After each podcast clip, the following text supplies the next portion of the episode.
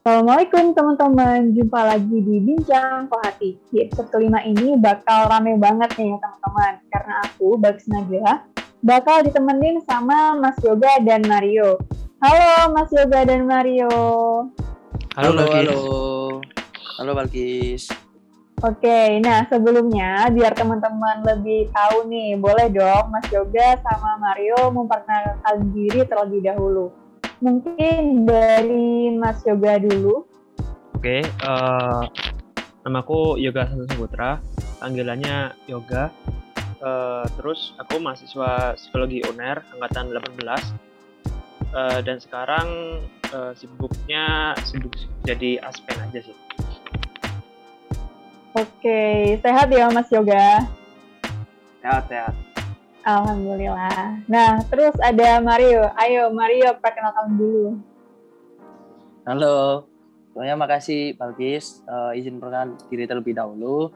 Namaku Mario Febrianto Sukoto, biasa dipanggil Mario. Sekarang eh, jadi mahasiswa FH UNER angkatan 19. Kesibukan untuk sekarang di BEM UNER jadi Dirjen Pendidikan dan Pelatihan di Kementerian Sosial dan Politiknya. Salam kenal Mas Yoga dan teman-teman semuanya. Salam kenal Mario sama Mas Yoga. Wah, pada sibuk banget nih ya, kayaknya. Hmm, walaupun pandemi kayak gini, nggak kerasa ya Mas Yoga sama Mario udah lebih dari satu tahun nih pandemi COVID-19 di Indonesia. Tentunya pandemi ini menimbulkan dampak di semua sektor kehidupan, kayak pendidikan. Kita kan eh, mengakses kuliah lewat online nih ya, udah lebih dari 10 tahun terus juga perekonomian, kesehatan, itu juga sangat terdampak. Nah, bersamaan dengan itu, sudah lebih dari satu tahun juga, pemerintah berusaha menanggulangi penyebaran COVID-19 ini dengan menerapkan berbagai kebijakan. Nah, dampak penanganan pandemi COVID-19 itu tentunya sangat berpengaruh pada kegiatan sehari-hari masyarakat. Kita semua tahu dong dengan istilah PPKM, Nah, menurut Mario sama Mas Yoga nih, gimana sih pemberlakuan kebijakan PPKM level 4 yang terus diperpanjang? Di mana di satu sisi rakyat itu kesusahan, terutama berkaitan dengan ekonomi. Namun di sisi lain memang dengan adanya kebijakan PPKM itu dapat menekan angka penurunan COVID-19. Mungkin dari Mario dulu, gimana nih menurut Mario? Ya, eh, makasih ya Balkis. Eh, kalau dari aku sendiri sih mengenai PPKM ya. PPKM kan sebenarnya kan sebelumnya juga ada istilah-istilah yang terlebih dahulu semua ada PPKM tuh. Ada PSBB, terus juga eh, setelah itu digaungkan sama Presiden Jokowi tentang new normal, terus sampai pada akhirnya ada PPKM. Kalau menurutku sih terkait program PPKM itu eh, paradoks ya sebenarnya. Jadi ada baiknya ada ada buruknya juga eh, baiknya ya mampu membatasi mobilitas penduduk sih. Itu yang utama. Namun meskipun mobili mobilisasi warga negara itu udah berhasil tapi mengenai ekonomi eh, dalam warga negara itu sendiri itu mengalami kemerosotan. Dan bahkan kebanyakan mereka-mereka yang UMKM ataupun pedagang-pedagang kaki lima itu merasakan dampaknya sangat nyata banget. Bisa dibilang kayak kayak satu contoh eh, pedagang kopi ya misal kayak warkop-warkop gitu. Nah ketika ada ppkm sama sebelum ppkm itu kan dampaknya pasti gede banget. Eh, mulai dari ada social distancing terus kayak ada di kursi yang ada lambang silangnya itu itu juga membatasi eh, pengunjung warkop itu sendiri. Kayak misalkan di hari ini bisa jadi 100 orang atau lebih karena PPKM bisa hanya sampai 20 ataupun 25 itu pun juga belum belum yang eh, membatasi jam operasionalnya itu bisa dikenakan denda ataupun penyitaan fasilitasnya misalkan wifi atau lain sebagainya. Dan bahkan nih aku juga sampai nemu eh, satirnya ya satirnya PPKM dari pedagang kopi itu eh, PPKM para pedagang kopi mumet. Sampai kayak gitu bikinnya eh, untuk menyindir keras ke pemerintah. Jadi PPKM itu meskipun terbilang dari datanya menurunkan angka penyebaran tapi tetap eh, rakyat juga butuh makan juga butuh penghasilan bukan bukan melulu mengenai eh, angka penurunan penyebarannya tapi alangkah baiknya memperhatikan kondisi finansial dari tiap-tiap warga negara itu sendiri. Kalau menurutku dari kalau menurutku kayak gitu sih, bagus. Berarti tetap ada plus minusnya ya, iyo dari segi ekonomi maupun dari segi kesehatan itu sendiri. Nah, betul betul. untuk oke. Okay. Nah, menurut Mas Yoga sendiri kayak gimana nih? Aku setuju dengan uh, pendapatnya Mario ya, di mana uh, kebijakan ini ada plus minusnya, tidak bisa uh, membahagiakan semua pihak ya. Ada pastinya ada golongan yang benar terugikan, ada juga yang uh, pihak yang rugi, tapi tetap masih bisa sustain dalam melakukan aktivitasnya. Uh, kalau menurutku ya, tadi pertanyaannya kalau nggak salah, uh, bentar, aku ingat-ingat dulu. Bagaimana menurutmu pemberlakuan kebijakan pemerintah yakni PPKM level 4 yang terus diperpanjang ya, benar ya? Iya, benar banget Mas Yuda. Nah, uh, menurutku ya uh, PPKM level 4 ini kalau kita lihat dari uh, yang ditunjukkan oleh gerak-geriknya pemerintah ini dari gestur politiknya itu pemerintah ini sebenarnya uh, PPKM ini memang lama. Anggap aja bisa satu sampai akhir tahun gitu kan. Cuma uh, pada praktiknya ini dicicil dicicil per minggu gitu. Uh, menurutku ini adalah uh, gestur politik pemerintah agar tidak menimbulkan uh, kepanikan massa. Atau seperti awal-awal pandemi dulu di mana uh, rakyat itu benar-benar panik kan. Sampai ada panik buying juga ada uh, benar-benar ini uh, membeli berbagai kebutuhan uh, secara asal-asalan ya dan secara banyak ya sehingga uh, barang itu jadi langka barang yang benar-benar dibutuhkan selain itu juga uh, ppkm level 4 ini itu uh, cara pemerintah untuk mendorong warganya vaksin. Kenapa? Kalau kita lihat kebijakan yang ada kan keluar kota harus vaksin uh, sudah vaksin gitu kan atau nggak gitu antigen yang mana harganya 600 ribu sampai 700 ribu. Itu kan benar mencekik ya bagi uh, pekerja yang mobilitasnya tinggi.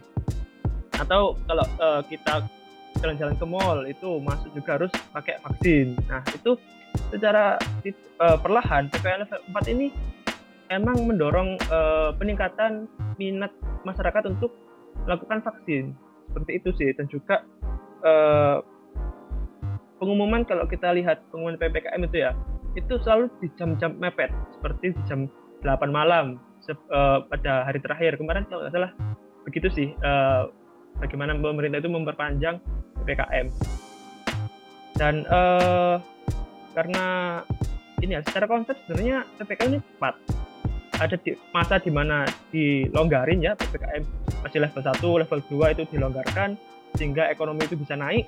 Tapi ketika uh, virusnya itu benar-benar uh, meningkat sampai ada delta ini varian delta itu diketatkan lagi untuk alasan kesehatan jadi emang mainnya pemerintah ini tarik ulur gitu gitu jadi agar uh, negara nggak kolaps dilonggarkan dan juga agar uh, fasilitas rumah sakitnya nggak kolaps itu diperketat. Jadi itu sih. Jadi uh, menurut pemerintah gerak-geriknya seperti itu. Gitu. Ya aku mau nambahin dong, Balkis. Ya boleh Mario, silakan.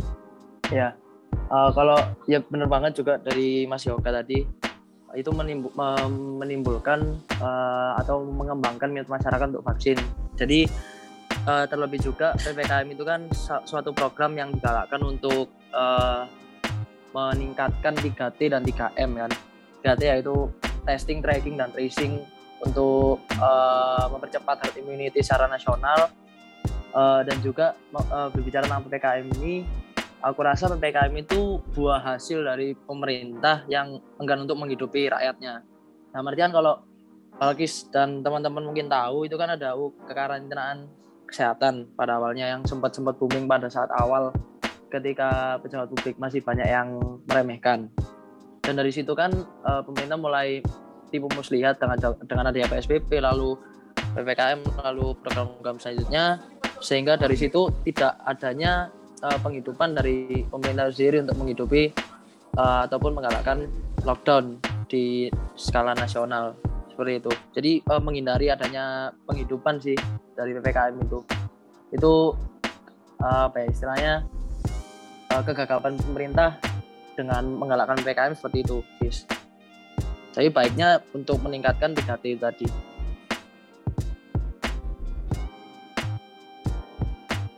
Oke, nah selanjutnya menurut uh, Mas Yoga sama Mario nih, PPKM ini udah tepat nggak sih? Apakah sudah menjunjung tinggi sila keempat Pancasila? Oke, nah selanjutnya, gimana sih menurut Mario sama Mas Yoga terkait dengan kesejahteraan rakyat di era pandemi saat ini? Mengingat banyak banget nih kasus kriminal, semuanya meningkat, baik dari narkoba, penipuan, KDRT akibat masalah ekonomi, dan lain-lain. Mungkin bisa dari Mario dulu. Oke, nah dari Mas Yoga gimana nih?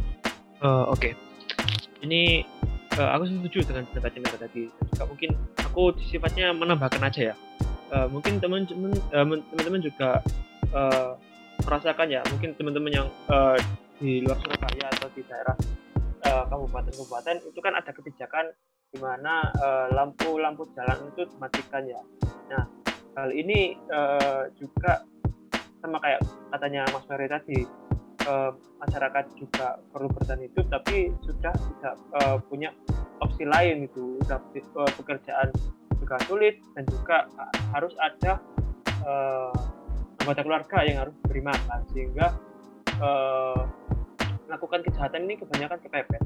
Di mana ketika uh, banyak lampu mati tadi ya itu ada banyak kasus uh, dibegal dan juga ada kasus penjamretan dan macam-macam itu. Dan juga ini membuktikan bahwa beberapa kebijakan pemerintah itu ya banyak kayak tadi Mas Marin tadi uh, kesejahteraan masyarakat ini diperangus gitu kan. Dan terangkap dalam menghidupi masyarakat kecil gitu dan juga uh, kekerasan dalam rumah tangga. Ini juga uh, bisa disangkut pautkan dengan uh, stres akibat berbagai macam konteks ya seperti uh, di PHK atau juga kesulitan dalam uh, mencari nafkah dan lain-lainnya juga lah gitu. Jadi memang uh, pemberlakuan kebijakan di rumah saja ini uh, tepat tapi perlu penyesuaian-penyesuaian yang lebih tepat lagi gitu. Jadi itu menurutku. Oke, nah selama pemberlakuan PPKM ini kan pemerintah pusat melalui pemerintah daerahnya juga menerapkan berbagai kebijakan fiskal maupun moneter yang ditujukan kepada UMKM, masyarakat kurang mampu, lansia, dan pesan lain. Nah, menurut Mas Yoga sama Mario nih, apakah upaya tersebut sudah cukup untuk mempertahankan perekonomian masyarakat dari keterpurukan? Dari Mas Yoga dulu deh.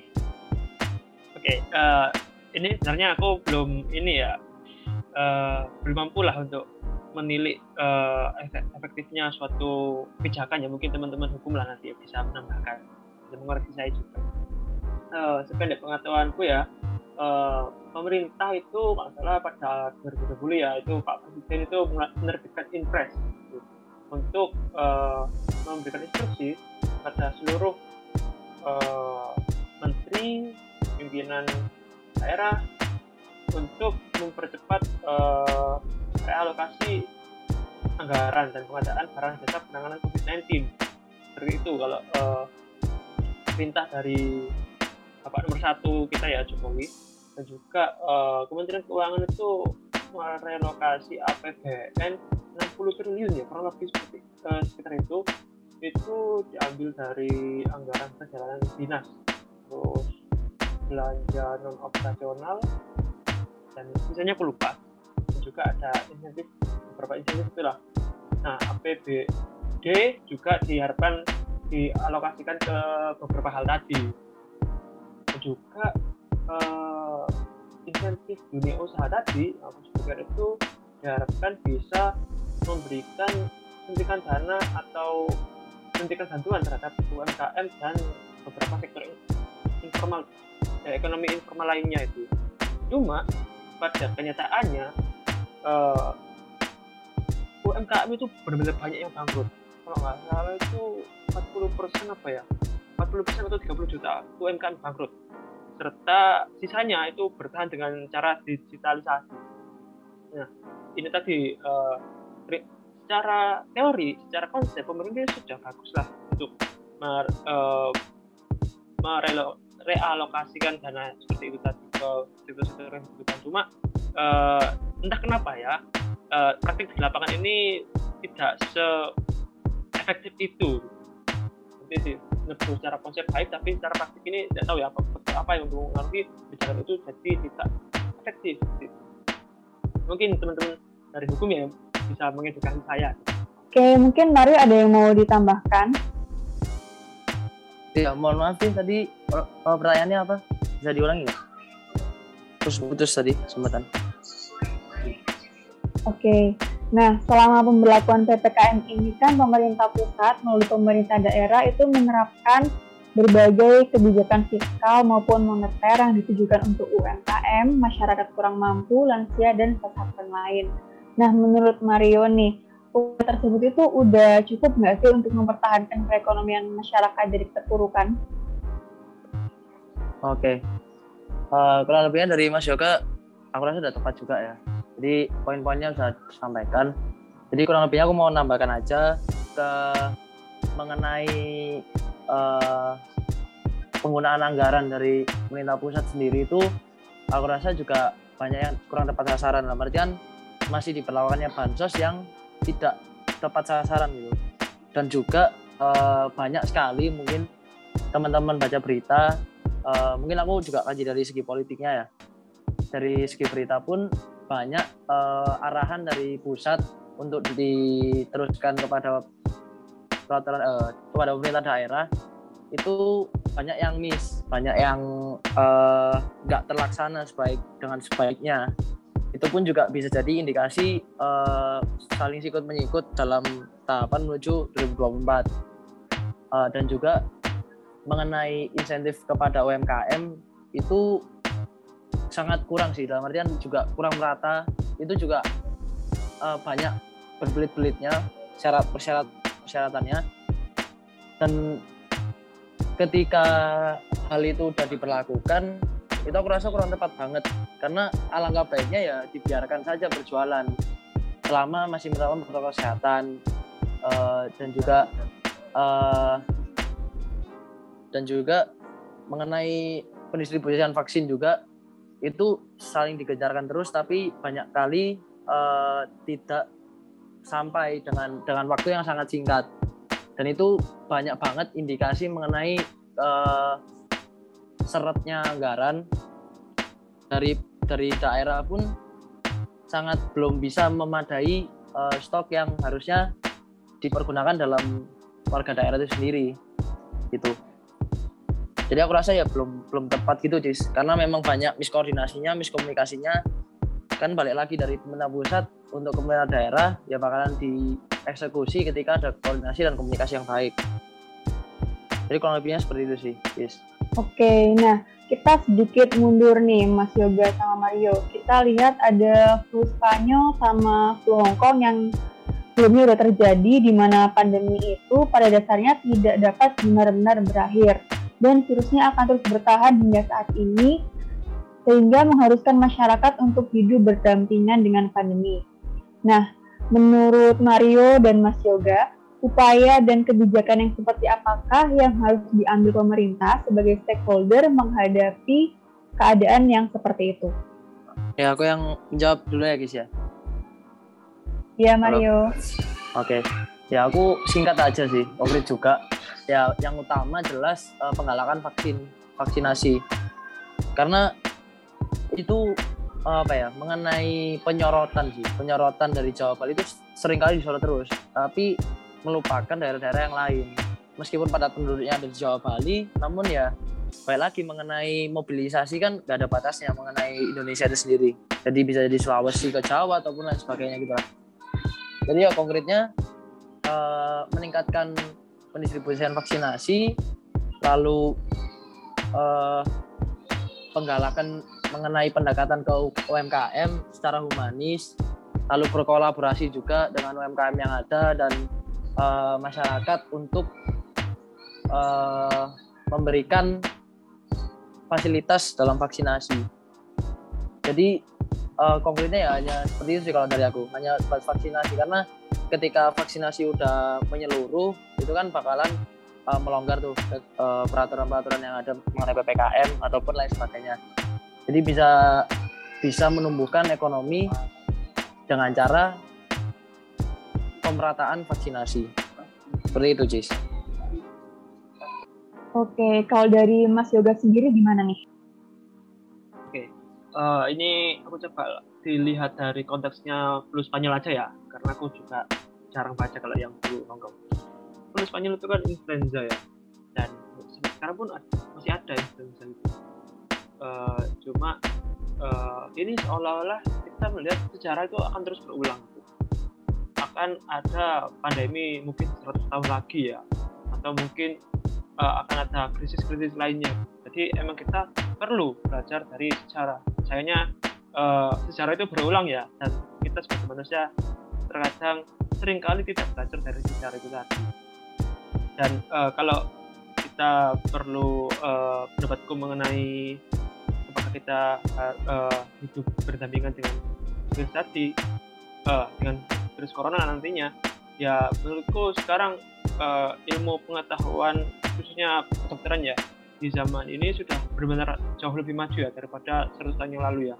Pada uh, waktu dulu itu ini sekitar cerita sedikit kalau misalnya uh, para ilmuwan itu menganggap influenza itu disebabkan oleh bakteri itu bukan virus. Namun sekarang kan kita dengan cepatnya kita paham bahwa yang menyebabkan uh, sakit di akhir-akhir itu kebanyakan dari uh, coronavirus ya dari COVID-19 itu dan juga uh, apa ya harapanku oh, benar-benar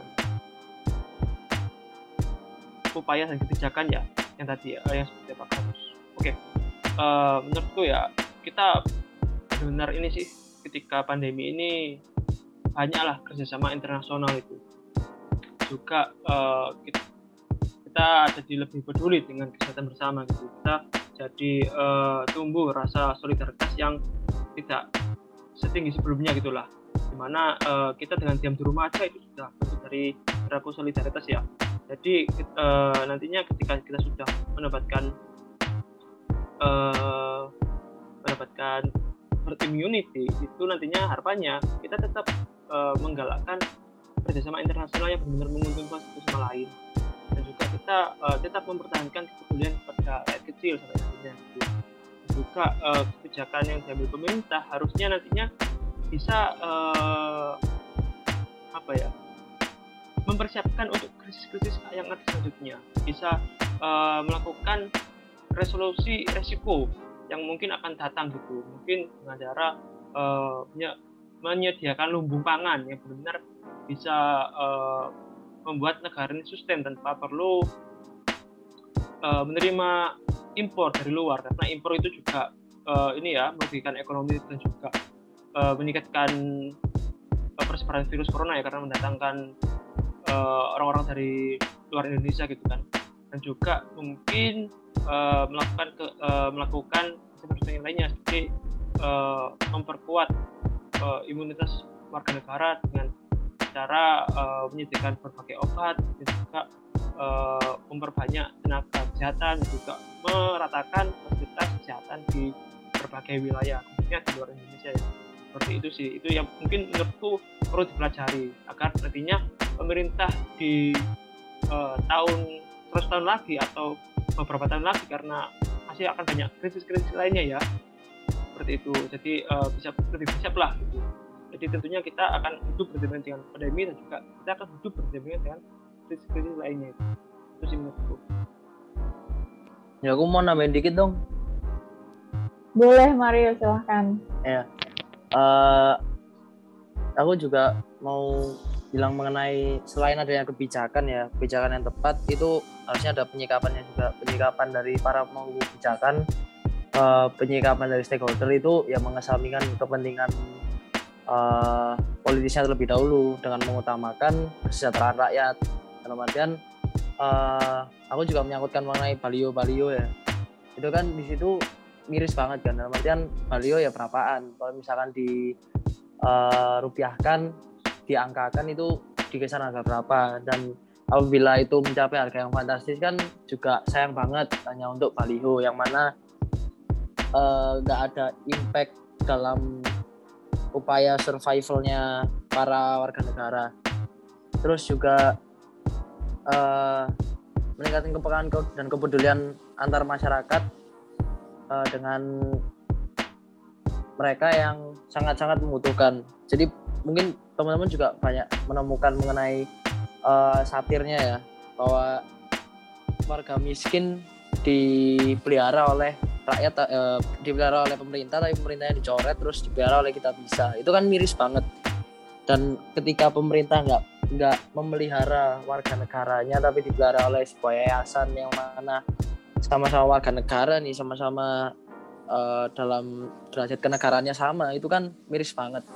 Jadi ya selain ada kebijakan juga ada penyikapan dari masing-masing para stakeholdernya. Kayak gitu sih. Ya aku nyambung Mas Mario juga. Uh, ini emang ini sih uh, ketika benar tadi ketika pemerintah tidak bisa bantu rakyat ya kita sebagai bagian dari rakyat kalau bisa bantu rakyat juga. Jadi rakyat bantu rakyat lah. Seperti itu sih. Dan emang uh, lucu ya kalau melihat gestur politiknya para politisi yang sudah kukuh atau uh, terburu-buru untuk kampanye 2024 itu kan.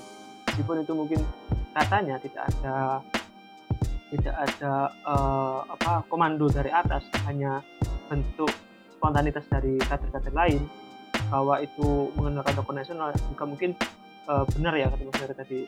Lebih tepat kalau uh, parpol ini akan lebih tepat dan akan bisa meningkatkan elektabilitasnya kalau benar-benar membantu rakyat nggak hanya mendongkrak uh, citra seperti itu. Aku setuju dengan kata Mas Aryo betul aku juga mau nambahin sedikit aja dong. Sedikit aja. Ya. Uh, aku juga baru ingat nih juga baru ingat mengenai insentif nakes itu kan juga belum cair ya belum cair. Jadi mengenai upaya dan kebijakan yang lebih tepat ya memprioritaskan dalam sektor kesehatan. Karena uh, tidak hanya mengenai uh, menggaungkan atau menyemarakkan vaksinasi tapi baik lagi ya garda terdepannya siapa ya para tenaga kesehatan. Tapi ketika insentifnya mereka tidak sampai ke mereka terus juga mereka hanya melayani tanpa mencukupi kebutuhannya sehari-hari ya bakalan lebih banyak yang gugur sehingga kekurangan tenaga kesehatan untuk uh, memelihara kesehatan para warga negara itu sangat mungkin terjadi ditambah ada kebijakan pengurangan PCR yang aku rasa juga masih kurang terjangkau untuk umum gitu loh. Harganya masih juga 500 kan, 500 kisaran 500.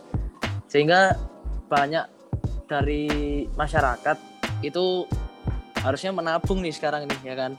Menabung di umur 20 untuk uh, punya mobil misalkan punya target nih uh, umur 30 atau umur 35 udah punya mobil, udah punya rumah. Eh tapi mau nabung duitnya hanya untuk PCR dan swab itu kan miris banget gitu.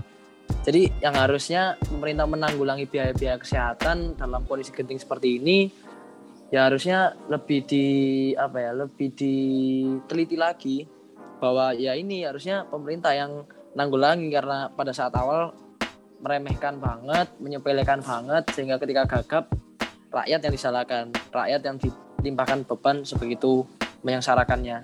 Jadi cukup dari aku kayak gitu bagus oke nah tadi kita udah banyak banget ngobrol mengenai ppkm dengan segala plus minusnya dampaknya bagi masyarakat nah dilihat dari penerapan dan kondisi lapangannya menurut Mario sama Mas Yoga nih pada akhirnya apakah pemberlakuan PPKM itu udah efektif menjadi solusi dalam mengatasi pandemi?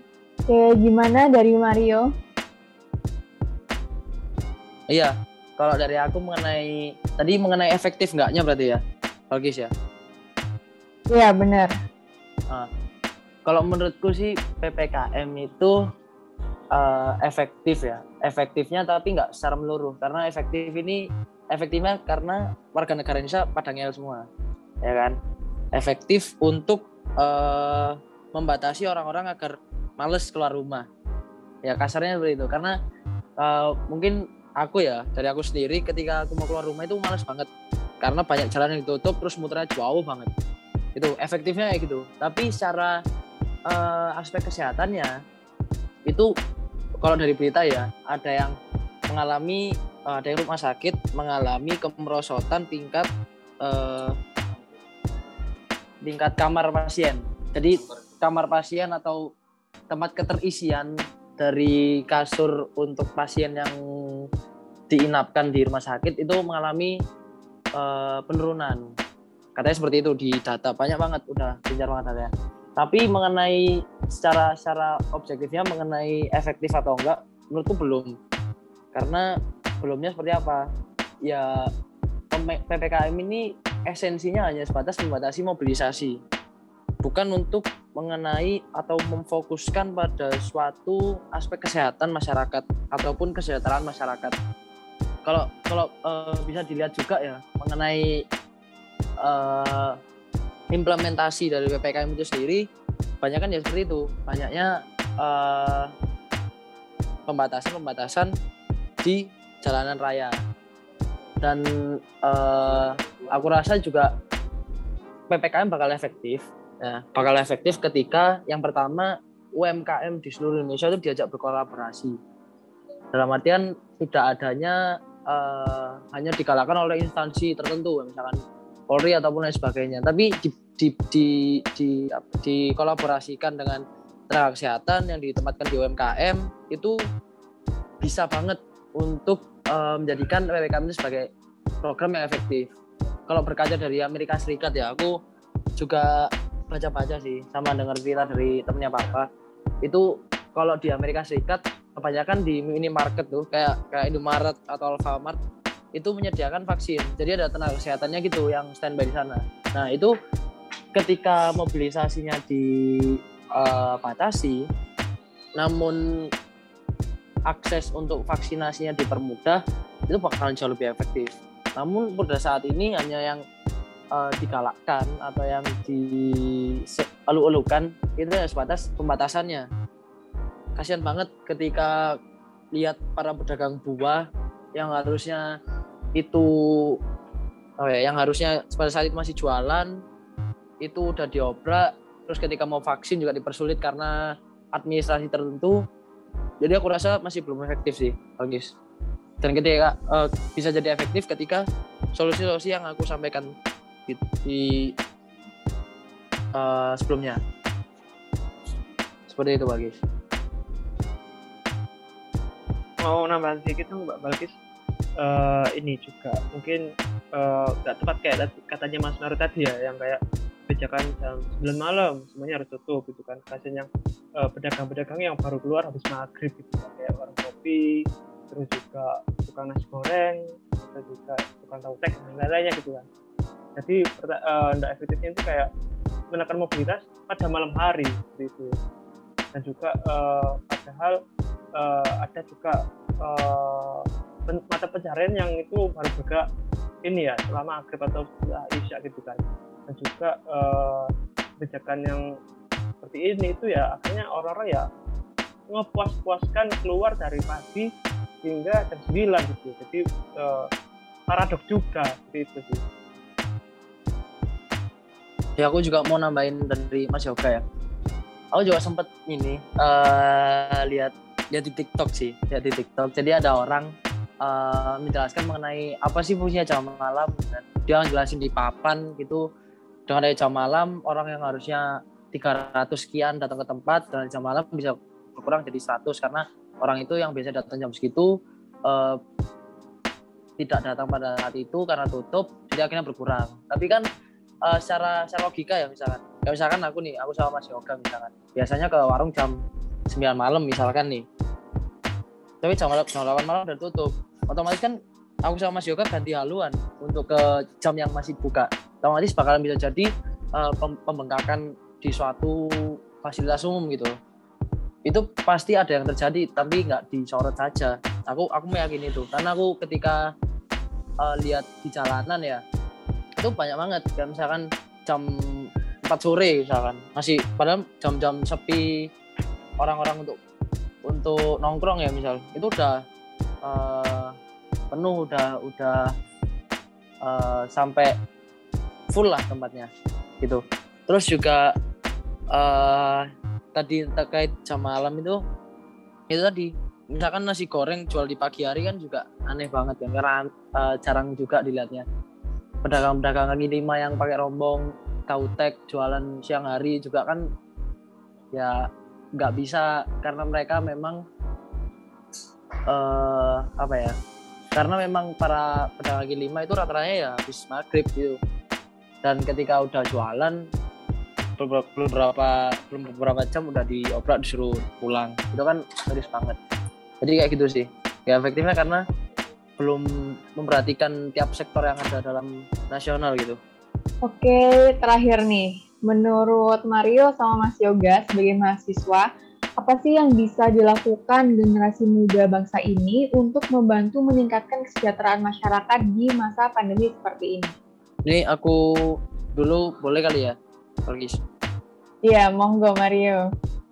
Oke, ya eh, tentunya pertama kita harus mengen- mengenal, eh, mengetahui dan juga memahami ya esensi dari fungsi mahasiswa itu sendiri.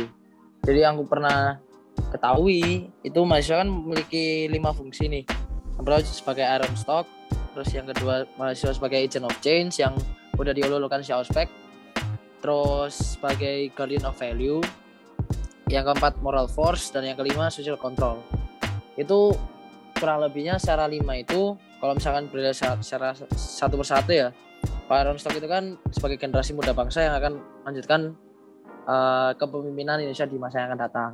Jadi dalam rangka mewujudkan fungsinya yang salah satu itu ya dengan cara memimpin ya memimpin sekitarnya dulu terdekatnya dulu untuk eh, peduli tentang apa sih COVID-19 itu.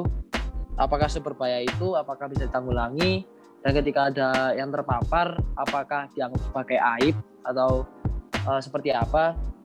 Jadi implementasi dari eh, mahasiswa sebagai Iron Stock itu ya dengan cara memimpin dirinya sendiri dan juga memimpin sekitarnya yang terdekat dulu mengenai eh, edukasi COVID-19 Kemudian yang kedua ada agent of change ya kan? Agent of change ya singkatnya sebagai ya agen perubahan.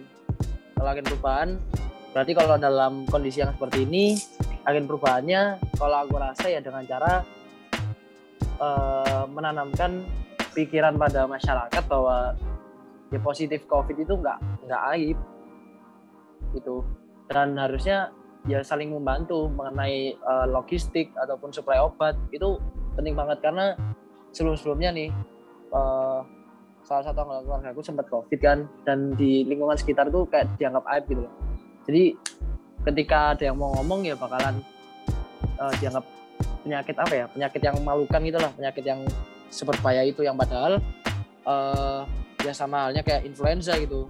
Tapi ketika eh, udah terpapar ya harusnya saling saling bantu membantu. Karena eh, banyak kan mengenai treatment para penyintas COVID ya dengan cara tabung oksigen maupun herbal-herbal yang ada ataupun eh, pengecekan saturasi oksigen secara berkala itu kan banyak banget. Dan ya itu pentingnya itu lalu ada guardian of value yang ketiga. Ya guardian of value berarti menjaga nilai-nilai kan menjaga nilai-nilai. Tentu eh, mahasiswa ya harusnya tidak tidak apatis terutama. Bahwa Indonesia kan nilainya ya nilai-nilai Pancasila juga nilai demokrasi. Dan terkait nilai tersebut apabila tidak diilhami ataupun dipahami ya maka susah untuk mewujudkan fungsi manusia itu sendiri sebagai makhluk sosial gitu. Terus yang keempat moral force itu kurang lebihnya sama kayak sebelumnya aku sampaikan. Ada social control ya social control mem- eh, merupakan peran yang penting dari di masyarakat. Jadi kurang lebihnya itu berkesinambungan dari satu sampai kelima aku sampaikan. Yang mengenai penyikapan dari mahasiswa mahasiswa itu sendiri ya terutama eh, meningkatkan kepeduliannya. Terus melakukan sosialisasi dan edukasi bahwa covid itu nggak nggak buruk gitu. Karena stigmanya banyak banget yang udah mengakar di masyarakat. Terus belum juga ada yang menyepelekan covid ya kan? Aku juga pernah baca nih di twitter ada thread ada thread gitu bahwa di daerah Madura itu uniknya gini ada yang ada yang bilang bahwa itu cara Madura untuk apa ya, menuju herd immunity-nya. Ada juga yang bilang bahwa Madura ini terlalu menyepelekan gitu. Jadi ada suatu peristiwa salah satu pemilik akun twitternya itu ya itu uh, di Madura dia berkunjung ke Madura itu terus ketika di pasar itu ramai banget padat banget. Padahal kondisi ppkm sudah diberlakukan terus ketika dia ke pasar dia nemu nih orang Madura. Orang Madura dan orang Madura saling uh, ngobrol dia nanya si A ke mana terus dijawab sama si orang Madura tuh uh, pakai pakai bahasa Madura kan tentunya dia jawab si A lagi kena penyakit yang sekarang dia bukan uh, mengucapkan penyakit COVID tapi uh, mengucapkan penyakit yang sekarang gitu. Nah itu kan bisa dikontradiksi banget antara Madura menyepelekan atau menuju immunity-nya dengan caranya sendiri.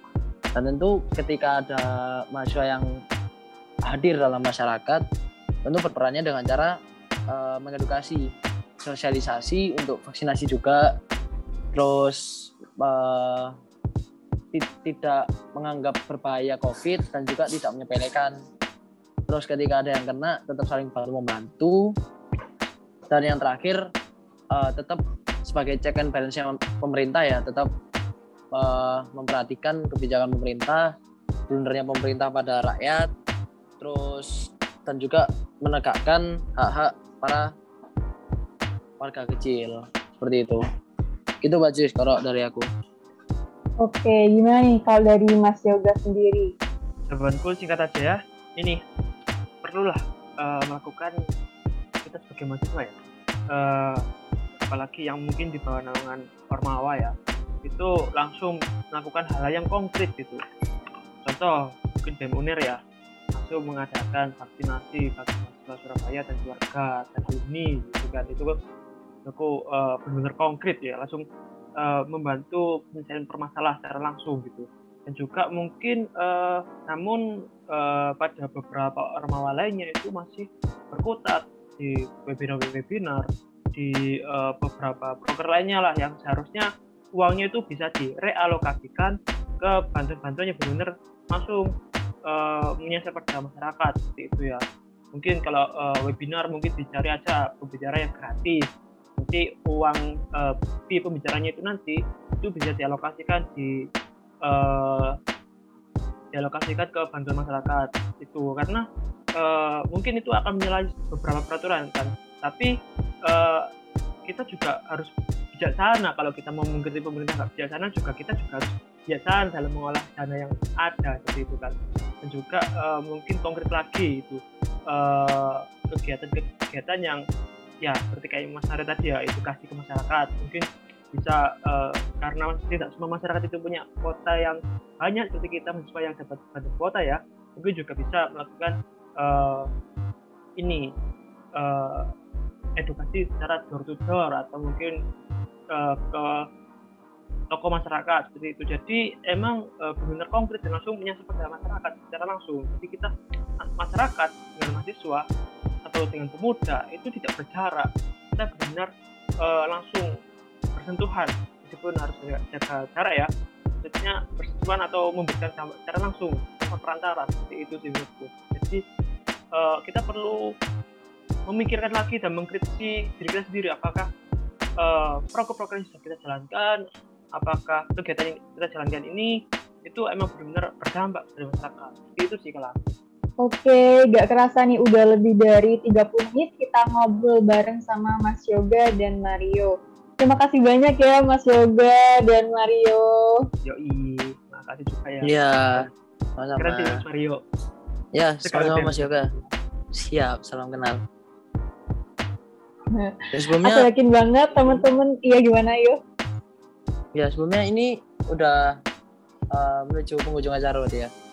Iya, aku ditutup. boleh aku boleh ngasih sepatah dua kata nggak nggak sepatah dua kata boleh juga boleh boleh ya? boleh Hah? iya ya jadi tentunya kan uh, berbicara tentang topik pada hari ini lebih uh, fokus pada bahasan ppkm ya tentu kalau dalam uh, dalam aspek hukumnya tentu balik lagi ke UU kekarantinaan kesehatan ya kan? Tapi nggak diperlakukan nggak diterapkan pada akhirnya di, dicetuskannya PSBB pada waktu itu awalnya. Lalu ada beberapa istilah sampai akhirnya PPKM level 4 nah sebelumnya juga peraturan itu kan sifatnya normatif nih. Mungkin Pak juga ada tahu. Dan aku juga mau menyampaikan bahwa uh, peraturan itu bakalan garang di kertas, tapi implementasinya sangat lemas dalam kehidupan masyarakat. Karena balik lagi sifatnya peraturan itu normatif. Balik lagi ke kesadarannya masing-masing untuk uh, mengimplementasikan suatu peraturan tersebut. Jadi uh, mengenai ppkm meskipun sudah diatur dalam uh, banyak banget gitu kan. Banyak ada uh, ada PP ada SE kayak Mendagri banyak banget bahkan kayak obesitas regulasi gitu dalam masa pandemi ini.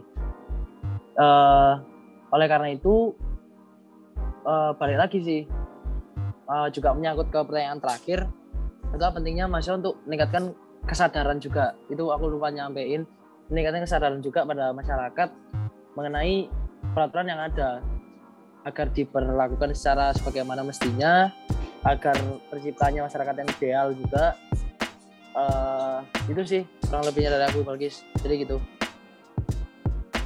Gue boleh ikutan ini nggak? Kasih kayak pernah berkata kayak Mas Mario nggak? Boleh banget Mas Yoga silahkan. Uh, kalau aku karena aku masih psikologi mungkin uh, ini ya dari segi kesadaran mental ya. Mungkin teman-teman uh, meskipun teman-teman ini sibuk berorganisasi sibuk menjadi mahasiswa yang uh, getol dalam uh, mengembangkan diri juga perlu uh, memperhatikan uh, kemampuan diri. Jangan dipaksa terus-terusan gitu kan. Meskipun gas terus jangan lupa untuk rem sekali-kali gitu kan. Dan juga jangan sampai juga kayak rem terus-terusan gitu kan. Jadi jangan lupa untuk istirahat jangan sampai uh, jadi kita sendiri tuh burn out. Apalagi ini di rumah ya kita punya peran ganda sebagai mahasiswa dan sebagai anak dari orang tua kita atau menjadi bagian dari keluarga di rumah kita.